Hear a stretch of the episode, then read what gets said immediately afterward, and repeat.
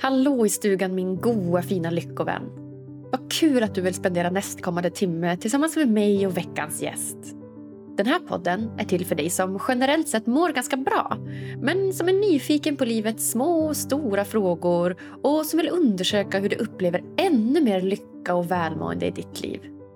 Mitt namn är Agnes Sjöström och jag bara älskar att få dela med mig av inspirerande samtal som förhoppningsvis kan bidra till ett lite lyckligare Sverige. Ja, jag provar något helt nytt här innan jul. Något jag aldrig gjort förut och som har en liten spirituell touch. Ja, som ni vet så älskar jag att testa nya saker. Det finns ju inget mer spännande. Jag blev bjuden på tre stycken healing sessions tillsammans med urgulliga Anna-Karin på Gudinnekraft i Nord. Vi började sessionerna med att dricka en kopp chaga tillsammans. Och Sen utförde Anna-Karin en heart och spirit healing på mig under en timme. Så himla härlig känsla som fick mig mer connectad till mig själv. Ja, Anna-Karin berättade superspännande upplevelser av vår healing och det ska bli jättekul att se vad mer healing har att erbjuda. Men idag hörni, idag gästar konvertiten och PTn Simon Wallgren Lyckopodden för att berätta mer om sin unika väg från att vara ateist till troende muslim. Ja, trots medias uppmålade bild av en förtryckt och krigsrik religion så valde Simon att konvertera till islam. Han berättar hur han såg igenom medias förvrängda bild av religionen och valde att tolka den utifrån ett neutralt perspektiv. Vi pratar om varför islam som religion är så missförstådd och varför han valde att göra en så stor livsförändring som att konvertera och varför religion kan göra dig som lyssnar lyckligare. Ja, jag som är helt ny på ämnet, jag lät nyfikenheten driva det här samtalet och jag hoppas verkligen du som lyssnar ska ha lärt dig massor med nya saker om religion, islam och lycka. Så hörde ni, öppna upp sinnet, rätta till hörlurarna och låt nu introt guida dig in i religionens värld. Varsågod.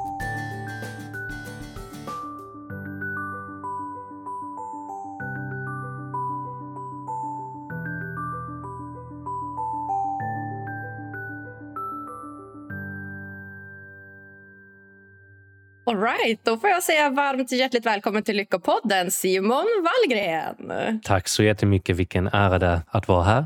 Ja, men alltså, mashallah Simon, vilken ära att du är här. mashallah. verkligen. verkligen mashallah. Det, ja. det, det, är verkligen mitt nya favoritord. Mashallah, inshallah. Ja. Älskar dem. Ja, de är, de är fina. Det är fin, fin betydelse bakom dem. Ja, det är det. Kan du inte berätta ja. vad, vad de betyder för lyssnarna? Ja, um, det är ju arabiska.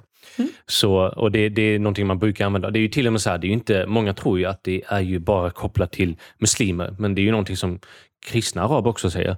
Eh, också eh, judiska araber. Så det är ju liksom, bara så man vet det, det är liksom ett, ett, ett, alltså, från det arabiska språket.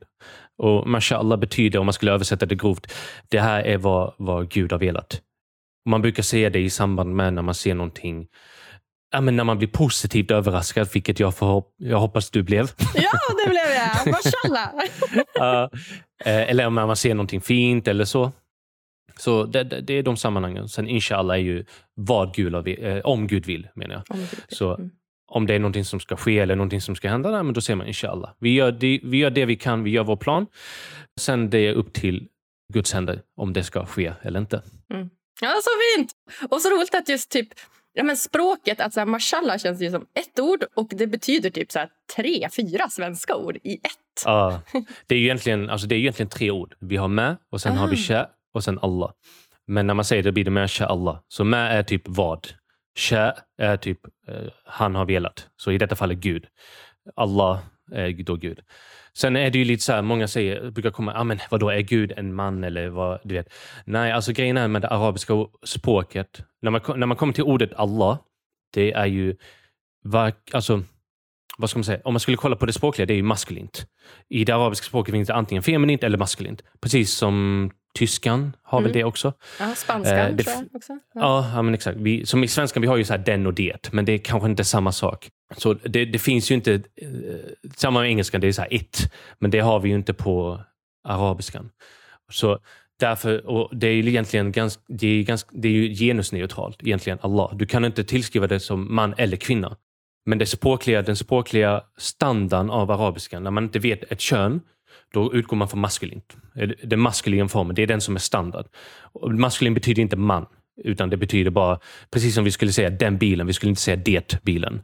Och även om vi inte skulle veta vad vi pratar om, då säger vi alltid vi säger den. Vi utgår oftast från den. Kan du hämta den?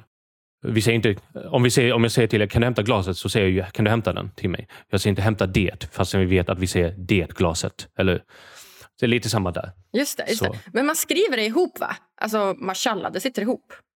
Om man skulle skriva det, ja om du tänker latinsk, de här eh, latinska bokstäverna? Eller? Nej, jag tänker typ om man skriver med svenska bokstäver. Äh, svenska bokstäver, alltså latinska. Men, ja, latinska. Ja, ja det, det gör man ju. Ja, men okay, okay, men man skriver ju arabiska från, från höger till vänster. Just det. Så just det. Ja.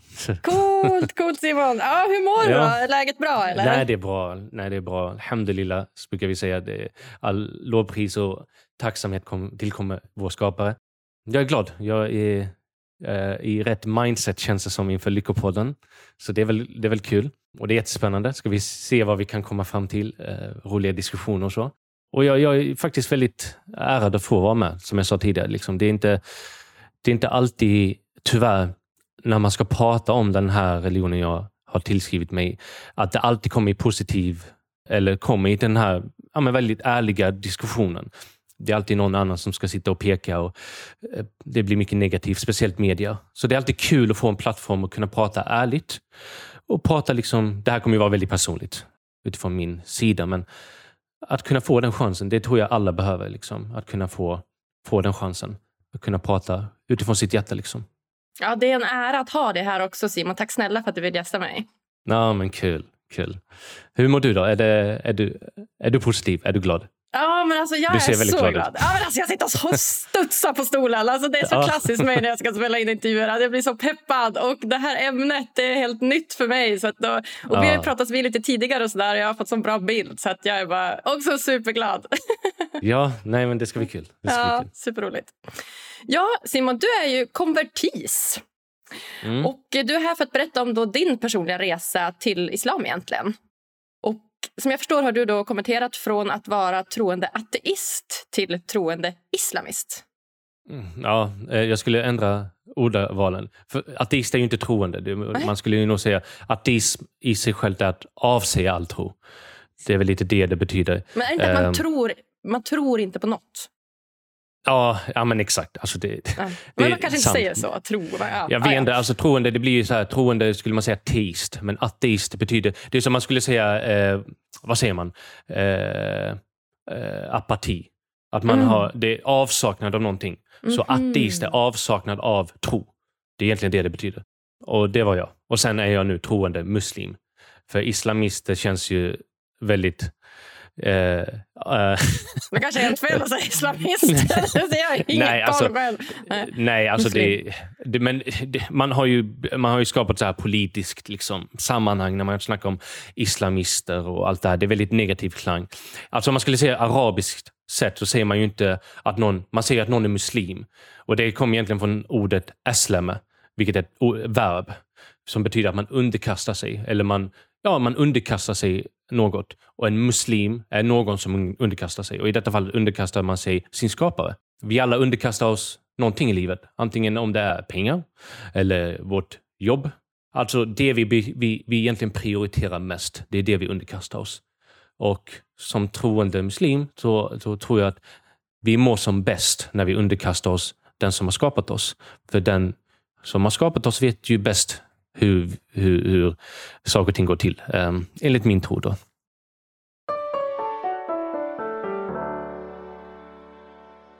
Veckans avsnitt är sponsrat av Paradiset, upplevelsebad, spa och träning i Örnsköldsvik. Ja, Övik är en mysig liten bergsbenägen stad som ligger bara en timmes tågresa från Umeå och med bara en timmes flygresa från Stockholm. Jag och min kompis Saga vi unnade oss en riktig lyckohelg tillsammans då vi checkade in på hotell och besökte Paradisets spa och upplevelsebad i två hela dagar.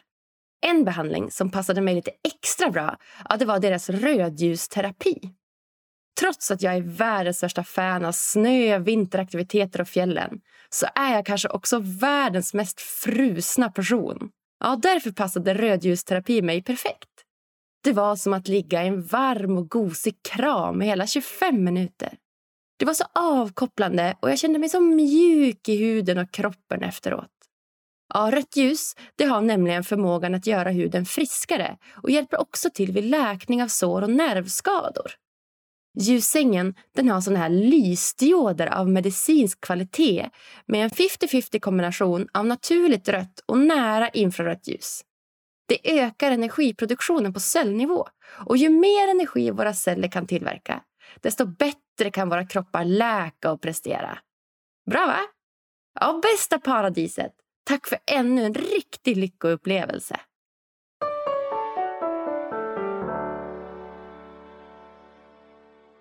Men om du tar det från början, liksom, hur kom det sig då för, från att du gick liksom, från ateist till att bli troende muslim? Då, började tro på, på islam. Vad, vad var bakgrunden till att du hamnade där från första början?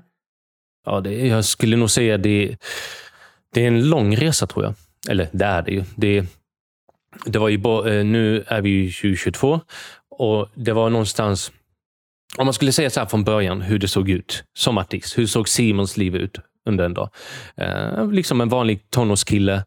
Som de flesta svenskar. Liksom, uppvuxen i en så här, helt vanlig familj. Mamma, pappa, syster, jag. Bodde i en liten lägenhet i Kristianstad. I Skåne då. Östra Skåne.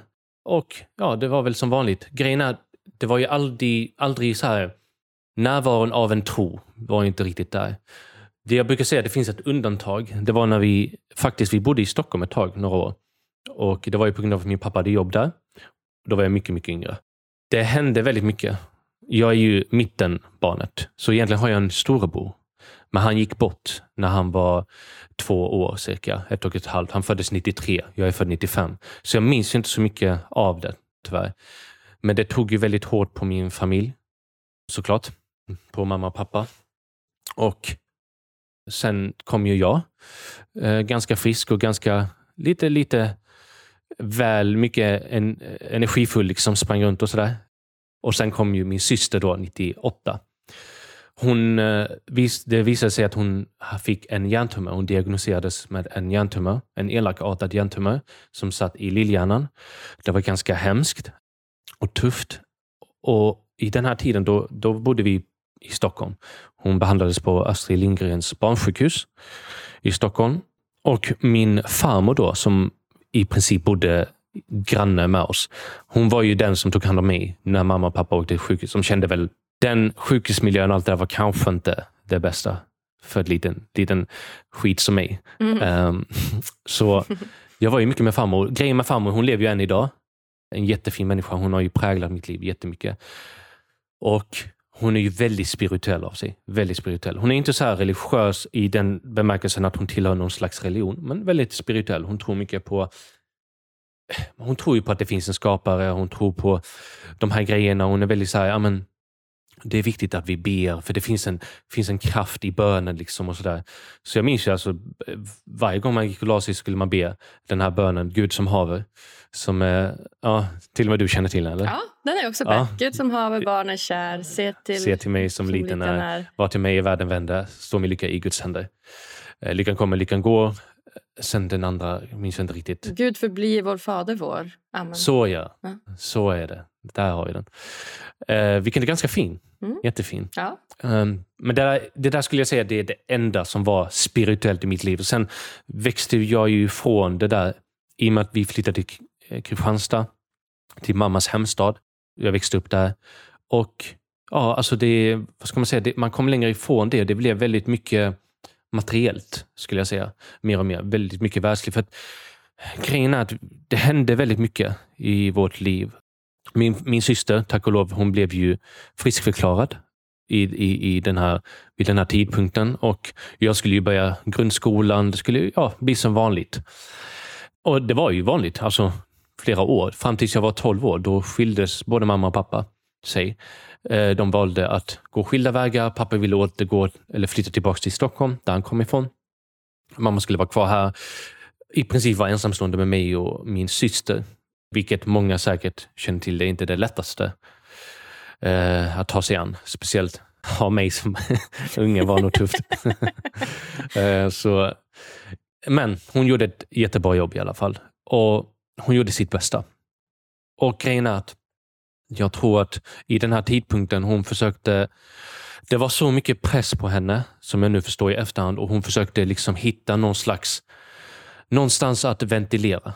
Så det var ju mycket, mycket, tyvärr mycket alkohol på den här tiden, som det oftast blir. Man går till vissa substanser för att hitta någon slags lugn, tror jag.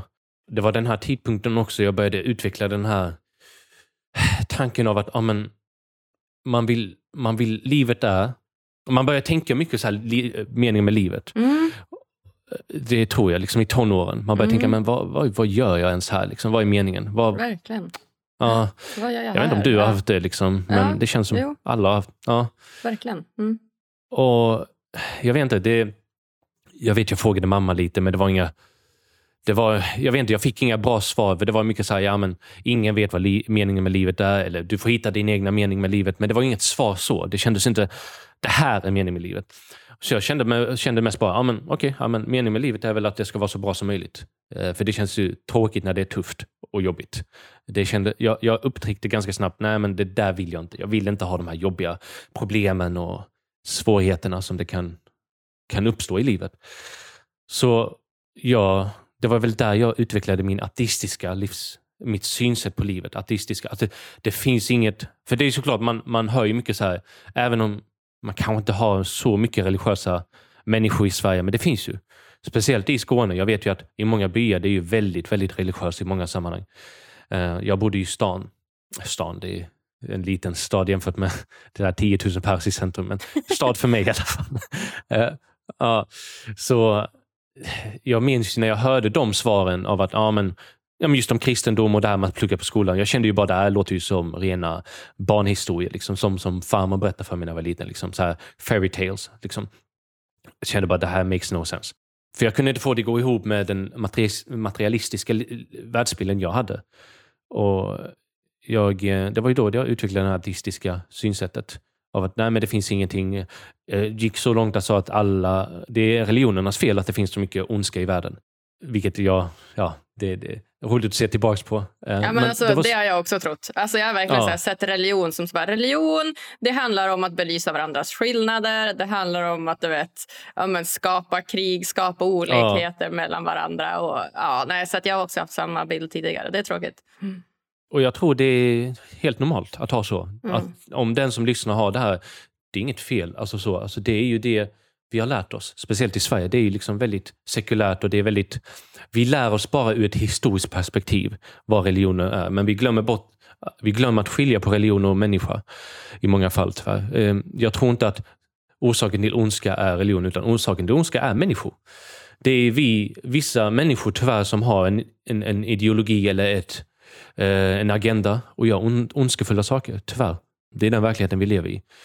Vare sig det är en religiös människa eller en ateistisk människa. Eller, det finns ju otaliga eh, exempel på ateister som har gjort väldigt tuff, väldigt hemska grejer. Om vi kollar på världskrigen, väldigt många ateistiska eh, synsätt där, eh, ateistiska ideologier som kom till det.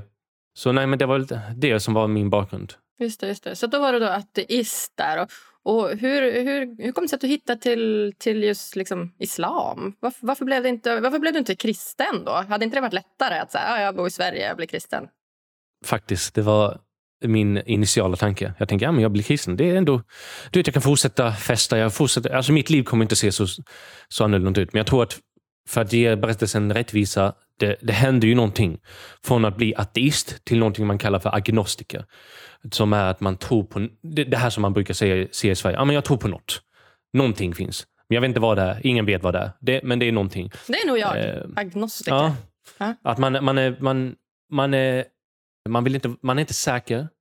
Man, man vill varken vara stenhård på att avsäga sig eller man vill inte vara stenhård alltså att, att ta till sig någonting. Man är lite mitt emellan och där var jag. Det som ledde mig till det var faktiskt en eh, väldigt tråkig händelse. I och med att min, min mamma drack så väldigt mycket.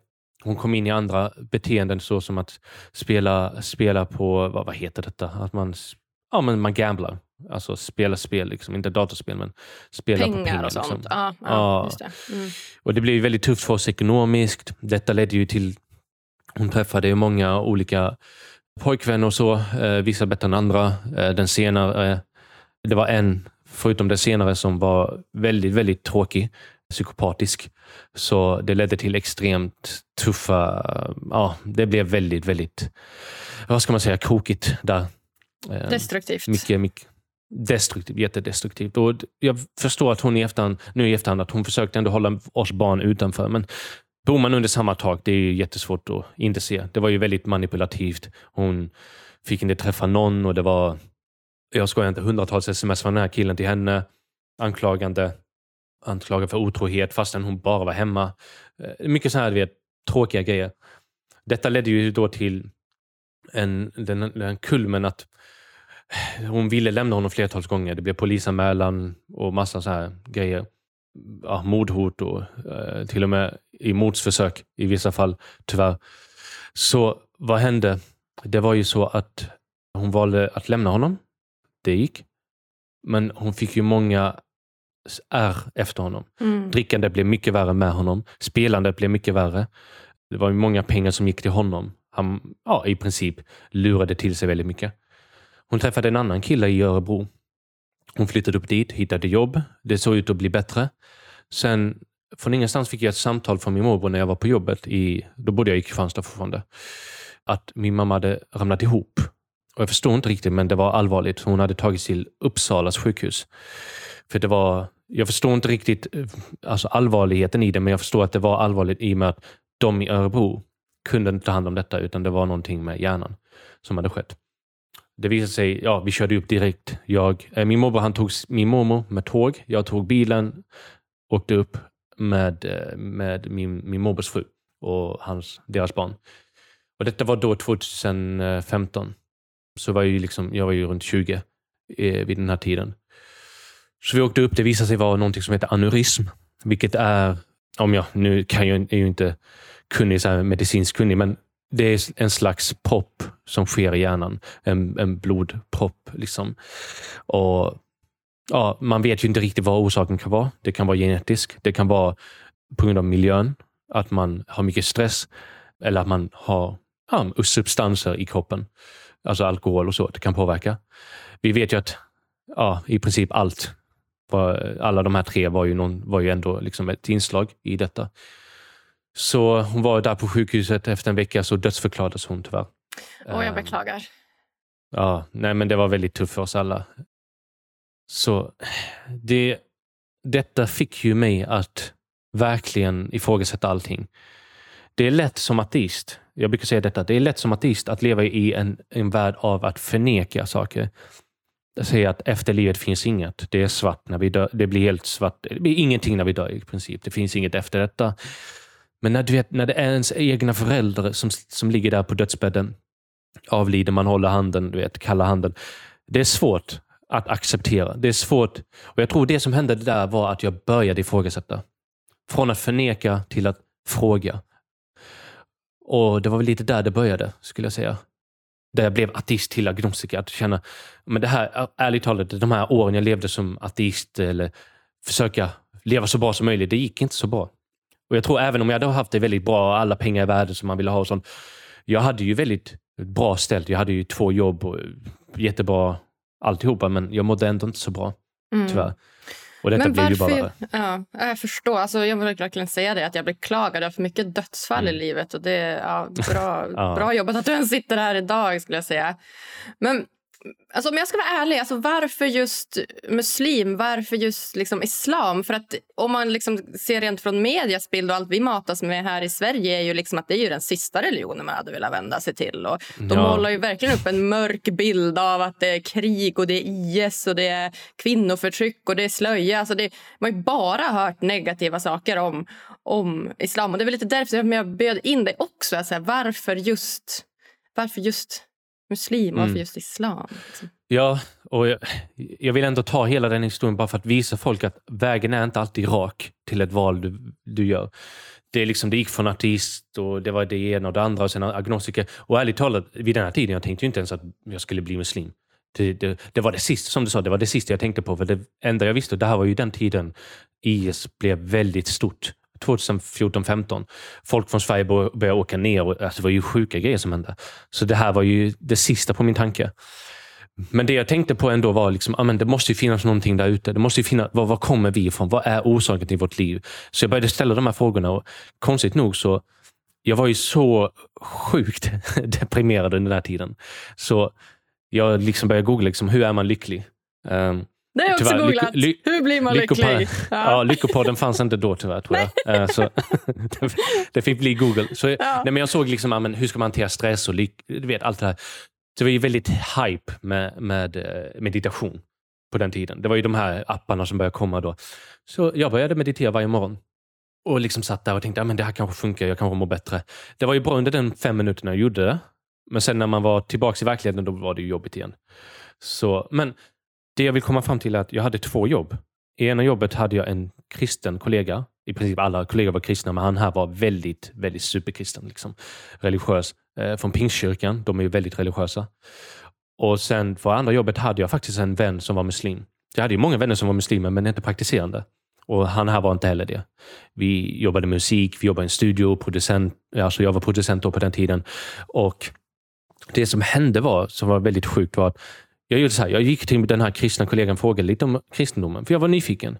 Han berättade om, om de här fundamentala bitarna om treenigheten. Jag vet att det finns kristna som inte tror på treenigheten, utan det finns något som heter unitarian. Men vi i, Sverige, alltså i Sverige är det den treenigheten. Liksom. Fadern, Sonen och den helige anden. Liksom. Och alla de är Gud i ett. Liksom. Men du vet, när jag började ifrågasätta liksom, hur kan det gå ihop? Liksom? Alltså, är det en 3-1 eller vem är vem? Och du vet, jag tänkte just här, rollen med Jesus. Och det förvirrade mig ganska mycket tyvärr. Jag fick inga raka svar och egentligen de svaren jag fick skapade bara fler frågor. Fler frågeställningar. Att det jag ville var, ha var bara, jag ville ha en relation med någonting högre. Någonting större än livet själv. Det var det jag ville ha. Alltså egentligen, det var det, det, grunden. Jag ville ha en, för jag fattade att jag var lite, jag var lost. Jag var vilsen. Jag hade ingen slags relation med någonting. Eh, jag försökte skapa relation till saker och ting i det världsliga livet. Men de försvinner ju. Mamma gick bort. Den relationen är borta. Massa saker som jag hade då, de är borta. Så jag ville ha någonting som var varade, någonting som var evigt. Och då tänkte jag, men då måste jag se någonting som, vi, som är utöver det vanliga, utöver det vi kan se i detta livet. Det måste ju vara någonting mega physical, eller vad man säger. Du vet. Alltså där, utanför denna världen. Så jag, när jag började fråga honom så fick jag de svaren. Så jag gick till, egentligen innan det, min, min kollega som var muslim. Han var inte praktiserande. Men när jag satt och gjorde mina meditationer på morgonen, då gjorde jag en liten bön för mig själv. Eh, jag bad den här, så här gick den. Det var typ så här, ja, men du som ser mig, du som hör mig. Vägled mig till det som är rätt. Visa mig eh, rätt väg. Liksom. Bara, bara hjälp mig. Och Jag gjorde det väldigt länge, under väldigt lång tid. För jag fattade att jag kommer inte klara detta. Google kommer inte hjälpa mig heller. Alltså. Och mitt i allt, vet, um, en, en så här coincidence, han här vännen började praktisera själv. Från ingenstans han, bör, han, han började, när vi satt och spelade in, liksom, sa ah, men paus musiken, jag ska bara gå och be. Jag tänkte bara kolla på honom, va? Vad, vadå gå och be? Du har, vad gör du? Sen skulle han gå, ja, han gick in i mickbåset, han gjorde sin, eh, sin bön. Jag blev helt fascinerad och tänkte, vad är detta? Så, det roliga är att jag kopplade aldrig det här med typ extremism. För extremism i mina ögon när jag såg IS och sånt, det var ju inte, alltså, han såg ju inte ut som dem. Han var ju inte som dem. Jag fattade det. Han var ju min vän. Så det var, tror jag skapade en det, det började skapa en helt annan bild av islam än vad jag hade tidigare. En, en verklig människa som satt framför mig, min vän. Som kunde, ju mer och mer praktiserade han blev, han började fasta, han började göra de här grejerna. Man började förklara för mig liksom, de här små grejerna. Jag hade frågor och så. Jag minns en stark upplevelse jag hade var när jag frågade dem, men vem, okej, okay, jag frågade den här kristna vännen, det här, vem, är, vem, är, vem är Gud? Vad är, det, alltså, vad är allting? Och jag fick jätte, fick svar som, inte, som var väldigt svåra att förstå. Så jag frågade honom, vem är Gud? Och det han sa, han reciterade faktiskt en, ett, ett kapitel från Koranen, en av de sista. Eh, kort, fyra verser. Så eh, jag vet inte, ska jag säga den på arabiska och översätta eller vad ska jag säga? Eh, kan du säga den på svenska? Ja, jag kan säga på svenska. Ja, jättegärna. Ja, för det är då första versen är säg Gud är en. Och sen andra är han är den som alla är beroende av, eller i behov utav och han är inte i behov av någon. Han är självständig, självförsörjande. Och sen den tredje versen då att han har varken fött alltså avlat någon eller blivit avlad. Och sen det fjärde är att ingenting är likt honom. Och minst nu när jag säger honom, det betyder inte att det är en man. Utan det här är det arabiska. Så det här fick mig att tänka bara, ja, men det, det här känns ju verkligen som någonting som jag skulle kunna tro på. Att det, finns en skapare. Det är inget li, inte likt någonting i denna värld. Vi kan, inte säga, vi kan inte måla en bild på den här skaparen. Eh, det är för stort för oss att förstå. Och det är ingen som har, eh, alltså den här skaparen kan inte ha en son eller ha en pappa eller en svär, du vet, en roommate eller vad den kan vara. Liksom, det, det finns inga mänskliga relationer i det här. Och att alla är i behov av, för jag fattar, jag är i behov av den här, den här skaparen. Och jag ville vara i behov av någonting som inte har behov av något annat. Någonting som är självförsörjande. Någonting som kan ge mig styrka som inget annat i denna världen kan. Sen efter ett, ett och ett halvt år egentligen, för tyvärr, jag var väldigt rädd. Jag var väldigt rädd i den här tiden, i och med att vi hade mycket på tv, extremism och sånt. Men jag var så övertygad att det här var sant. Jag kunde inte lämna detta. Det här var någonting. Jag fortsatte fråga honom och varje gång han sa, men varför tar du inte steget bara? Vad, vad är problemet? Men jag sa till honom, alltså jag är rädd. Alltså jag vet inte vad, ma- vad mina föräldrar ska säga, eller min pappa, mina släktingar, mina vänner som jag gick ut och festade med varje helg. Vad ska jag säga till dem? Ja grabbar, du vet, eh, nu har jag blivit muslim. Jag kan inte dricka mer, tyvärr. Det kändes inte som någonting jag ville ta upp. Så det var väldigt mycket rädsla. Så ett och ett halvt år tog det innan jag följde med honom en dag till moskén. Jag följde alltid med honom till moskén, men jag väntade alltid i bilen. Men denna gången var speciell. Denna, denna gången kände jag, alltså nu vill jag gå in, hänga med dig in. Köra en sån här du vet, free trial. Bara testa B. Se vad som, hur det känns. Vad händer då? bara, liksom? ja. ja. men vad händer då? Liksom, känner jag någonting eller vad känner jag? Eller vad, vad är det? Så han sa, ah, men okej, kom in, häng med in. Så vi skulle göra den här, det här eh, rituella tvättningen. Liksom. Att man, man, man tvättar sig själv spirituellt liksom, med vatten och så. Tvagning heter det på svenska. Men så, så jag skulle göra det, men han, han, han, han sa, vänta lite nu. Innan du gör alla de här grejerna, du vet ju att detta är, ett, detta är ju någonting du tror på. Alltså, detta är ju ingenting som jag har tvingat dig till. Det här är ju någonting som du har velat komma, du kommer in i denna moskén själv. Men innan du tar det här steget och gör alla de här grejerna, du borde bli muslim. Och bara ta steget en gång för alla. För när ska du annars ta det? Och alltså den gången jag lovade, det var den jobbigaste tidpunkten. Alltså där kände jag att jag blev ställd mot väggen. Okej, okay, nu kan jag inte förskjuta det mer. Nu känns det... Och någonting, någonting inombords, jag tänkte, att han har ju rätt. Alltså om jag tror på detta och inte väljer det. Ska jag leva hela livet så här? Liksom? Men mitt emellan liksom, och aldrig ta något steg. Jag ville någon, en gång för alla verkligen vara säker i någonting. Jag ville bara känna att jag kunde ta detta steget. Jag kunde visa mig själv, bevisa för mig själv att jag kan fullfölja någonting. För det var liksom en historia av att det bara blev massa problem hela tiden och, du vet, i livet. Men denna gången ville jag att det skulle vara annorlunda. Så jag bestämde mig för att ta trosbekännelsen med honom. Jag tvagade mig, sen gick vi och bad vår första bön. Och resten är historia. Så då blev du då troende där och då? Jag skulle säga att jag, blev, jag var troende långt innan. Men jag blev, jag, jag, tron som jag hade i hjärtat uttalade jag med min mun. Och ja, utförde med resten av min kropp helt enkelt. Valde att praktisera. Sen såklart, man är inte perfekt som människa. Man är aldrig perfekt. Man kommer göra sina fel, men jag, det var ett steg som jag kände att jag behövde ta. Alltså. För jag hade det redan i hjärtat. Varför ska jag förskjuta det? Liksom? Skulle du säga att du har blivit lyckligare av att bli troende? Ja, alltså grejen är, lycka är ju väldigt intressant. Det är ju väldigt subjektivt. Vi har ju materiell lycka, vi har alla de här spirituell lycka och så vidare. Jag tror att lycka är ju... Vi kan inte bortse från att i lycka så behöver vi olika också. Vi behöver sorg för att kunna känna glädje. Det är liksom det här balansen i, i universum. Alltså att det finns, en, det finns alltid en, en, en kontrast. Det finns en motpart till allting. Det, finns ett, det finns en relation mellan saker. Men jag tror att när det kommer till lycka, vad jag tror är lycka är att verkligen, alltså verkligen på riktigt hitta den identiteten i sig alltså den identiteten man vill vara. Man, man tar det valet av att i mitt fall underkasta sig någonting som jag verkligen tror på. För tyvärr, vi kommer underkasta oss saker. Vare sig den är en, uh, den, uh, jobbet eller partnern eller vad som helst. Jag kände där då, jag vill underkasta mig någonting som jag verkligen tror på. Och för att komma dit, det behövde ju många svar och de fick jag. Så nu känner jag absolut, jag är lycklig för att jag tog det valet och jag är lycklig för att jag varje dag gör mitt bästa att leva den identiteten jag ville leva. Sen såklart, jag är ledsen. Jag kommer vara ledsen. Alltså, jag är inte så att jag springer runt och skrattar hela tiden. Det är bara en galen människa som jag. Men det jag känner, som jag verkligen vill, vill, vill nämna, är att det känns som att man har ett helt annat sätt att se på saker. Det finns en jättefin sägelse av, av vår profet, så liksom att, vår profet Muhammed, att det finns ingen muslim som utsätts för något dåligt eh, utan att det är bra för honom. Är det så att eller utsätts för någonting som är, utan, utan att det är bra för honom. Om det är något som är bra, alltså det händer någonting som är bra, då är vi tacksam. Då är muslimen tacksam. Är det någonting som är svårt, då är muslimen tålmodig. Och båda är bra för honom. Eller bra för muslimen. Att man är, tålamod, man är tålmodig i motgångar. Det skapar karaktär, det skapar disciplin, det skapar en, en självsäkerhet. Eh, självförtroende. Och så, så är man tacksam när det händer bra.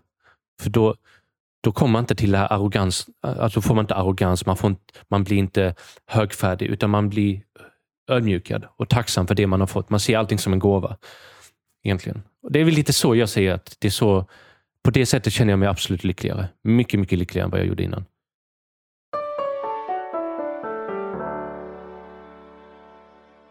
Veckans avsnitt är sponsrat av Fransar by Nathalie. En sak som jag är mega tacksam för det är underbara Nathalie som arbetat på skönhetssalongen Studio Flik i Umeå. Världens varmaste och godaste tjej som jag går till en gång i månaden och fixar mina fransar. Ja, för mig är det riktigt lyxig spa-tid. Nathalie har jobbat med fransförlängning i hela sex år och gör både singel-, volym och megavolymfransar. Idag driver hon en egen skönhetssalong på Storgatan 88 i Umeå och går att boka på Lashes by Nathalie på Instagram eller på Boka Direkt. Så bor du i Umeå och också gillar att göra fransförlängning, då tycker jag definitivt att du ska gå till Nathalie. Hon är både trevlig, proffsig och snabb. Helt perfekt enligt mig. Nämner du rabattkoden Lyckopodden i din bokning så får du dessutom 20% rabatt på din nästa bokning. Lycklig spatid, kära du!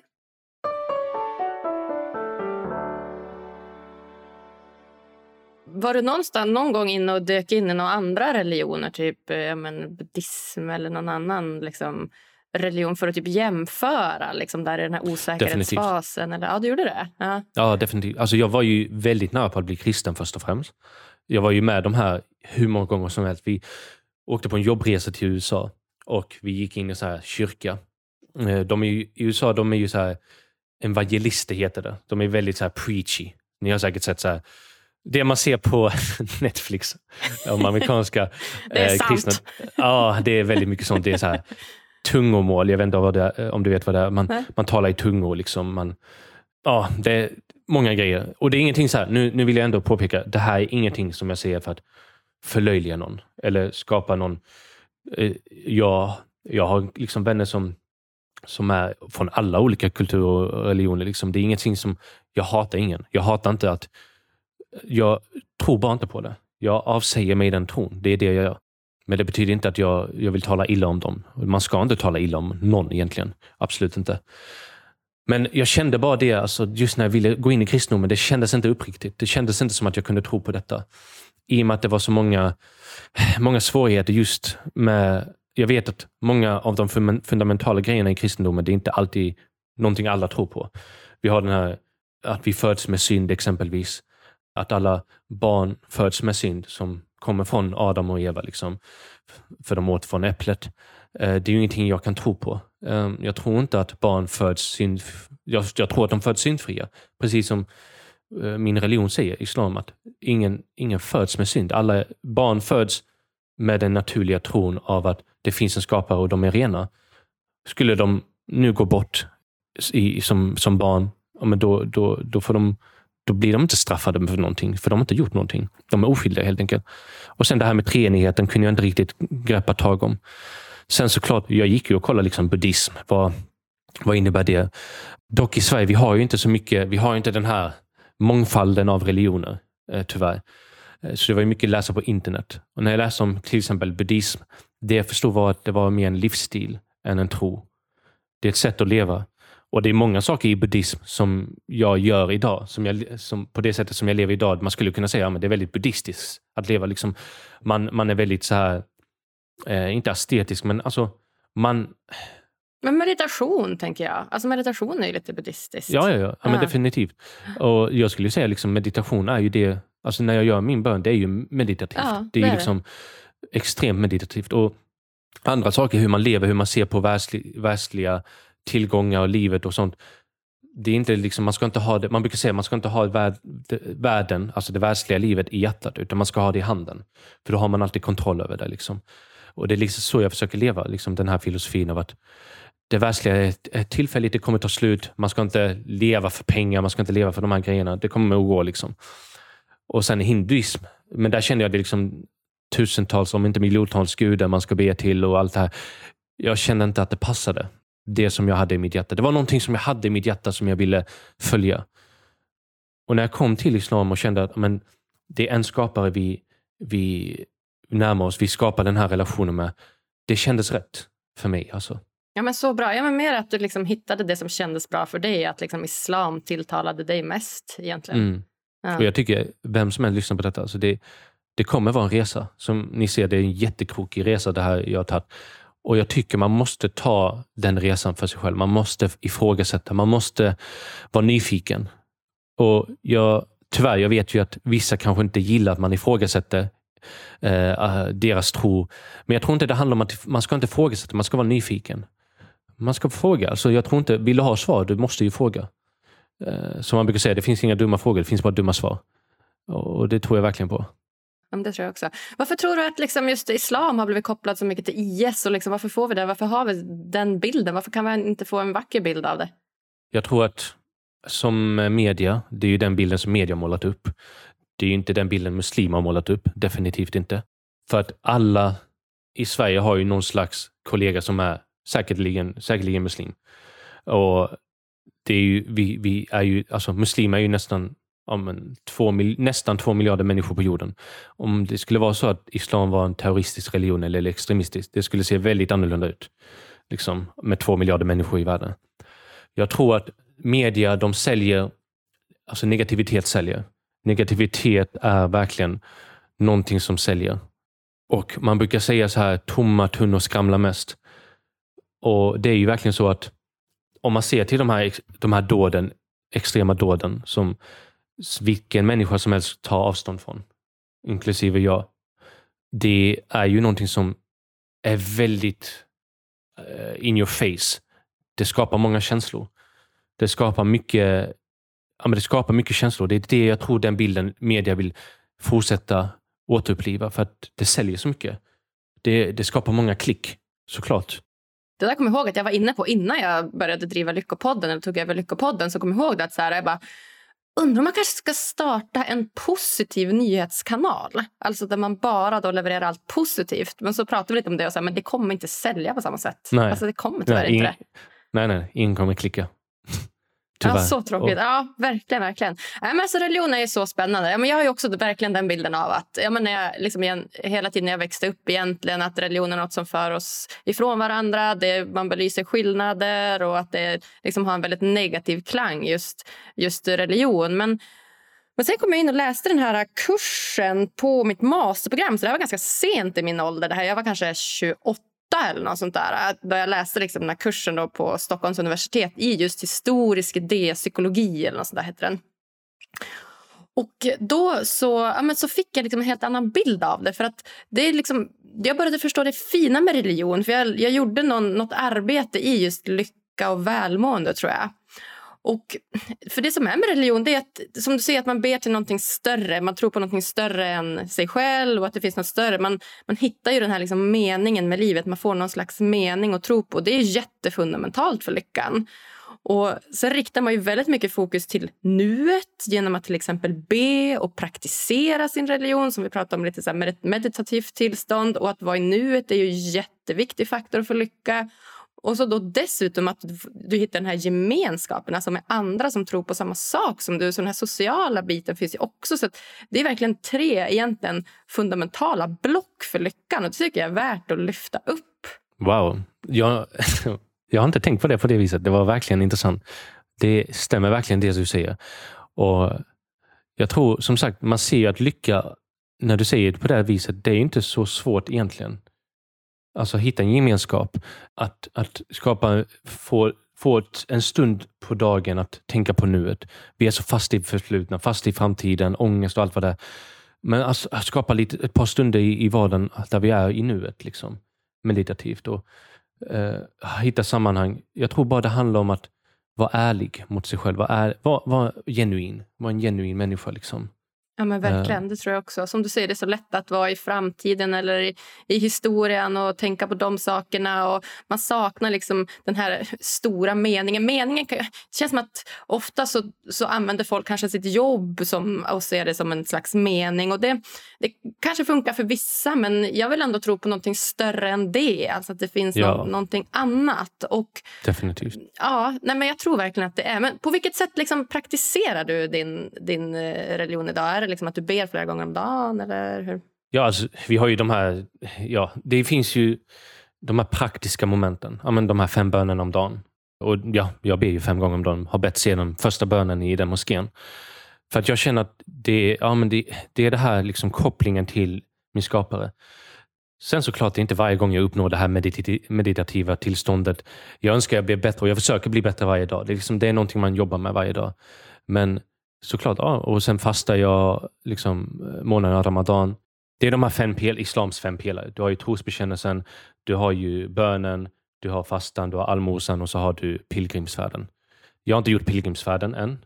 Eh, hoppas göra det. Eh, för Det är också en upp, häftig upplevelse. Med allt annat, definitivt. Och Sen är det ju massa andra moment också.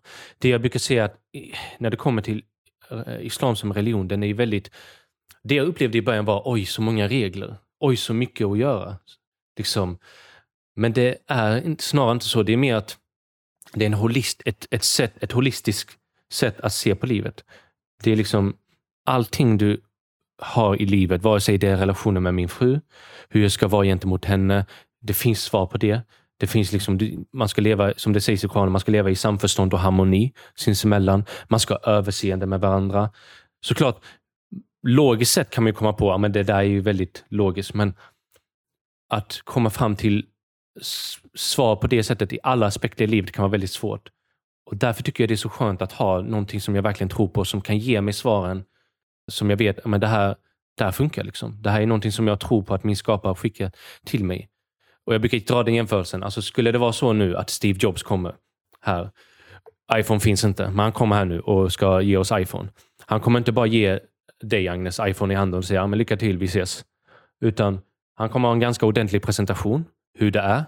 Eh, han kommer ge dig en liten manual på hur du kan göra. Och på, på det sättet tror jag också att vi är inte satta på den här planeten. Ingen varelse, var, vilken planet den är, är inte satt utan ett syfte. Ingenting i världen är utan ett syfte. Allting har sitt syfte. Och det, det makes no sense för mig att det här att vi satt det här utan att få tillgång till det här syftet. Och Därför tror jag liksom att det finns budskap som vi har fått som mänsklighet. Och liksom, eh, det, det, det, är ett helt annat ämne i sig, men att vi har fått det här budskapet och att följa det budskapet det är egentligen så som jag tror att vi kommer må som bäst. För att mänskliga konstruktioner, många kan påstå att ja, religion är mänskliga konstruktioner. Definitivt, jag tror att många religioner är det. Men mänskliga konstruktioner är alltid bristfälliga. Det finns alltid en imperfektion. Och Jag tror att den som har kunskap om allting, och den som har skapat oss, skulle han, skulle den här, eh, nu säger jag han, men ja, du förstår. Mm. Skulle hen. den här skaparen, ja hen, skulle den här skaparen skapa någonting, bara vi kollar på vår mänskliga kropp, den är perfekt så skulle den här skaparen ge oss en, en, alltså ett sätt att ha, skapa relation med honom. Det där måste också vara perfekt. Och Det är det jag känner att jag har hittat i, i den här religionen. Mm. Så fint. Verkligen. men jag tror verkligen på, på religion och jag tror på att det är någonting, ja, men någonting positivt att man ser det på det sättet. Att, att lycka på något sätt är de här olika delarna av gemenskap, av nuet och meningen med livet. Och att man då kan men att det är det som är lyckobegreppet mer än att lycka är som du sa att vi bara ska ha positiva känslor. Att så här, Åh, du får aldrig känna någonting olyckligt, ledsamt, arg, svartsjuk utan du ska bara vara glad. Det, det, är, inte, det är inte lycka Nej, för mig. Utan, det är inte realistiskt. Nej, det är det inte. Utan att lycka mer har ju den här större meningen. Så det, det är jättefint att du kommer att dela med dig, Simon. Ja, nej, men det var jättekul. Och som sagt, alltså det, det, vad ska man säga? Jag tror vi har universella sanningar som att ja, men vi vill vara lyckliga. Som du sa, det finns att vi måste skapa sammanhang. Speciellt i dessa tider. Det är så mycket ensamhet, så mycket problem. Och jag tror att skapa sammanhang, om det är en så med en person i ditt liv, är bättre än att inte ha någon vid din sida. Och verkligen jaga det du tror på. Alltså var inte rädd att, som jag var i de, under de åren, rädd att vara mig själv, rädd att ta det här steget. För det, vi, vi vet inte hur länge vi har på, kvar på denna planet. Liksom. Eh, livet kan vara väldigt kort för många, som vi har sett. Och vi, du vet, det, det, det finns inte, jag tycker inte man ska ge tid i att tveka, eller ge tid i att vara osäker, eller ge tid att inte vara sig själv. Utan som du ser, lycka är, lycka är egentligen tillgängligt för alla. Jag har sett folk som har, du vet när jag var i Egypten och studerade arabiska, jag, sett, jag såg folk som levde på gatan med sin familj. Och jag kan, jag kan intyga om att dessa människor jag träffade och pratade med, de var mycket mer lyckligare än min chef på mitt jobb som hade finaste bilen, värsta kåken. De här som satt, alltså jag skojar inte, de hade ingenting. De hade ett par, liksom någon här kartong de kunde sova på under trappen i huset, men that's it. De var lyckliga. Så jag, jag, tror verkligen att lycka är tillgänglig för alla. Det är det som är så fint. Oavsett vem du än är, vilken kultur du är ifrån, vilken, vilket land du är ifrån, vilken tro du har. Du har lycka tillgängligt för dig. Det är bara att vara modig nog att ha det. Var modig nog att få, få tillgång till det. Liksom.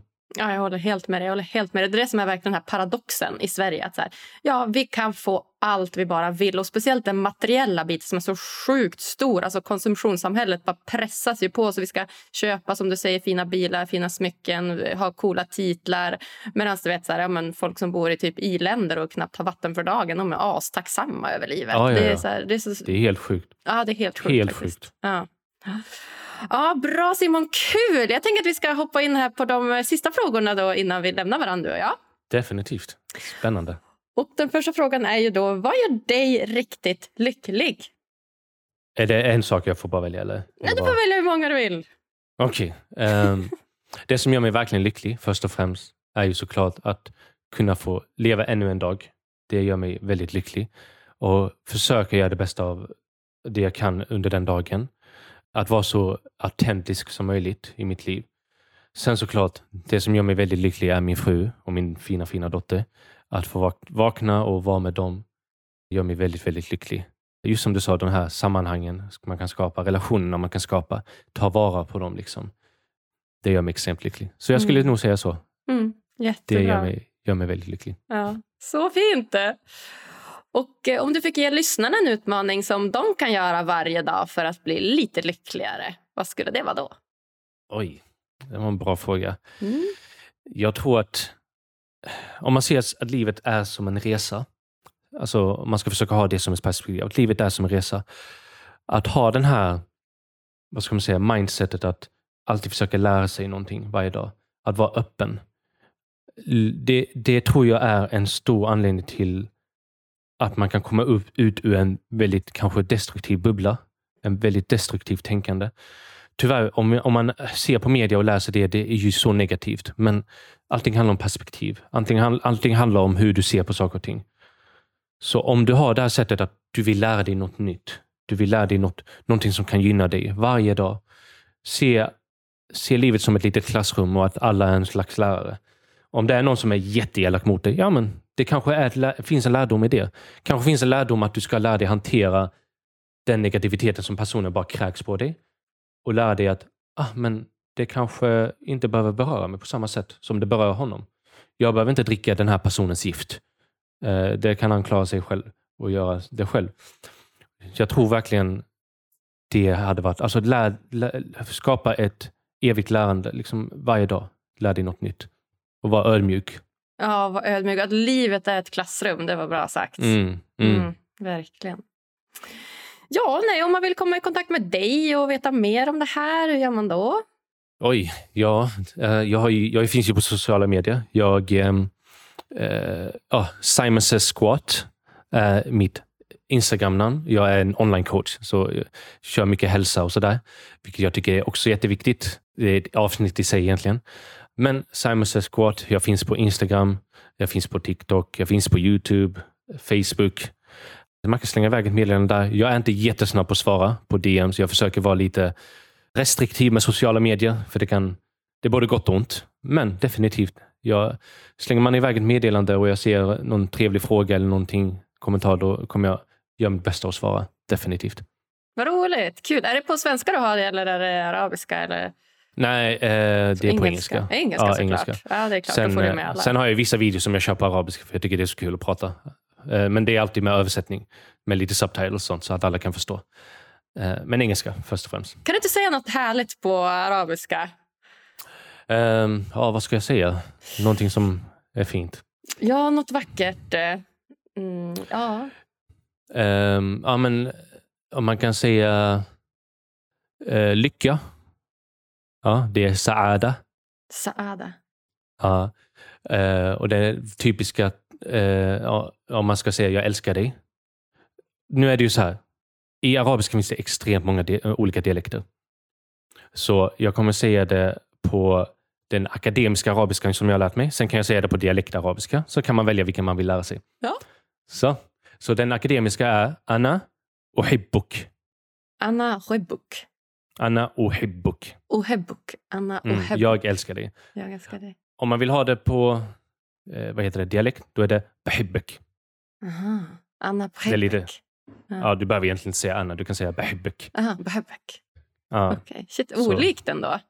ja det, det finns många skillnader, men ja, det är bra. Man får lite, lite, lite både och man kan välja alternativ. Ja, så coolt. Så coolt. Ja. Ja, nej, är det något så slutligen som du känner att du vill dela med dig av till lyssnarna här som du inte har fått säga än? Alltså det, du vet de här ämnena, man kan sitta och snacka om det i timmar. Så. Ja, Eh, verkligen. Och jag tror inte det. Alltså, jag vill eh, mest... Alltså, först och främst vill jag bara säga, om det är något som jag har sagt som är fel, om någon har tagit illa upp, jag ber om ursäkt. Det var inte min mening. Eh, vi är människor, vi är inte perfekta. Och jag hoppas att man har överseende med det.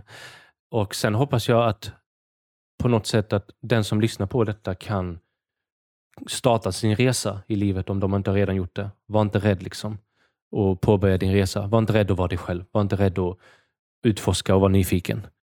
Sen hoppas jag vi kanske kan ta massa andra snack i framtiden. Det har varit jättekul.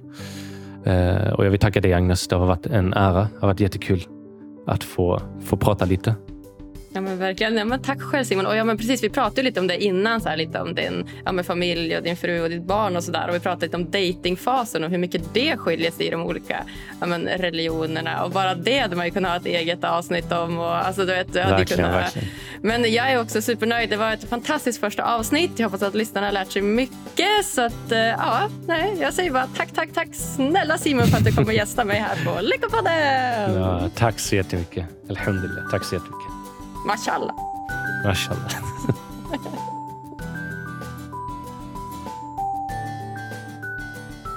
Åh, vad jag aldrig ville sluta prata med Simon. Vilken guldklimp. Och det känns så sant för mig att tre viktiga faktorer för att uppnå ett lyckligt liv är just meningsfullhet, att uppskatta nuet, kunna vara mer i nuet och också social gemenskap. Och inte att klistra på ett leende hela dagarna för att låtsas vara lycklig. Jag guidar det här avsnittet dig till lite mer förståelse om hur du kan uppnå mer lycka och välmående i livet? Då hade jag blivit jätteglad om du ville gå in på Podcaster-appen och lämna en liten kommentar om vad du tyckte om podden. Och ge oss jättegärna så många stjärnor som du tycker det här avsnittet förtjänar. Ja, om du missat det så finns vi också på Instagram, Facebook, Twitter och Youtube. Och där heter vi såklart Lyckopodden. Ta hand om er nu fina ni, så hörs vi på tisdag igen. Puss och kram!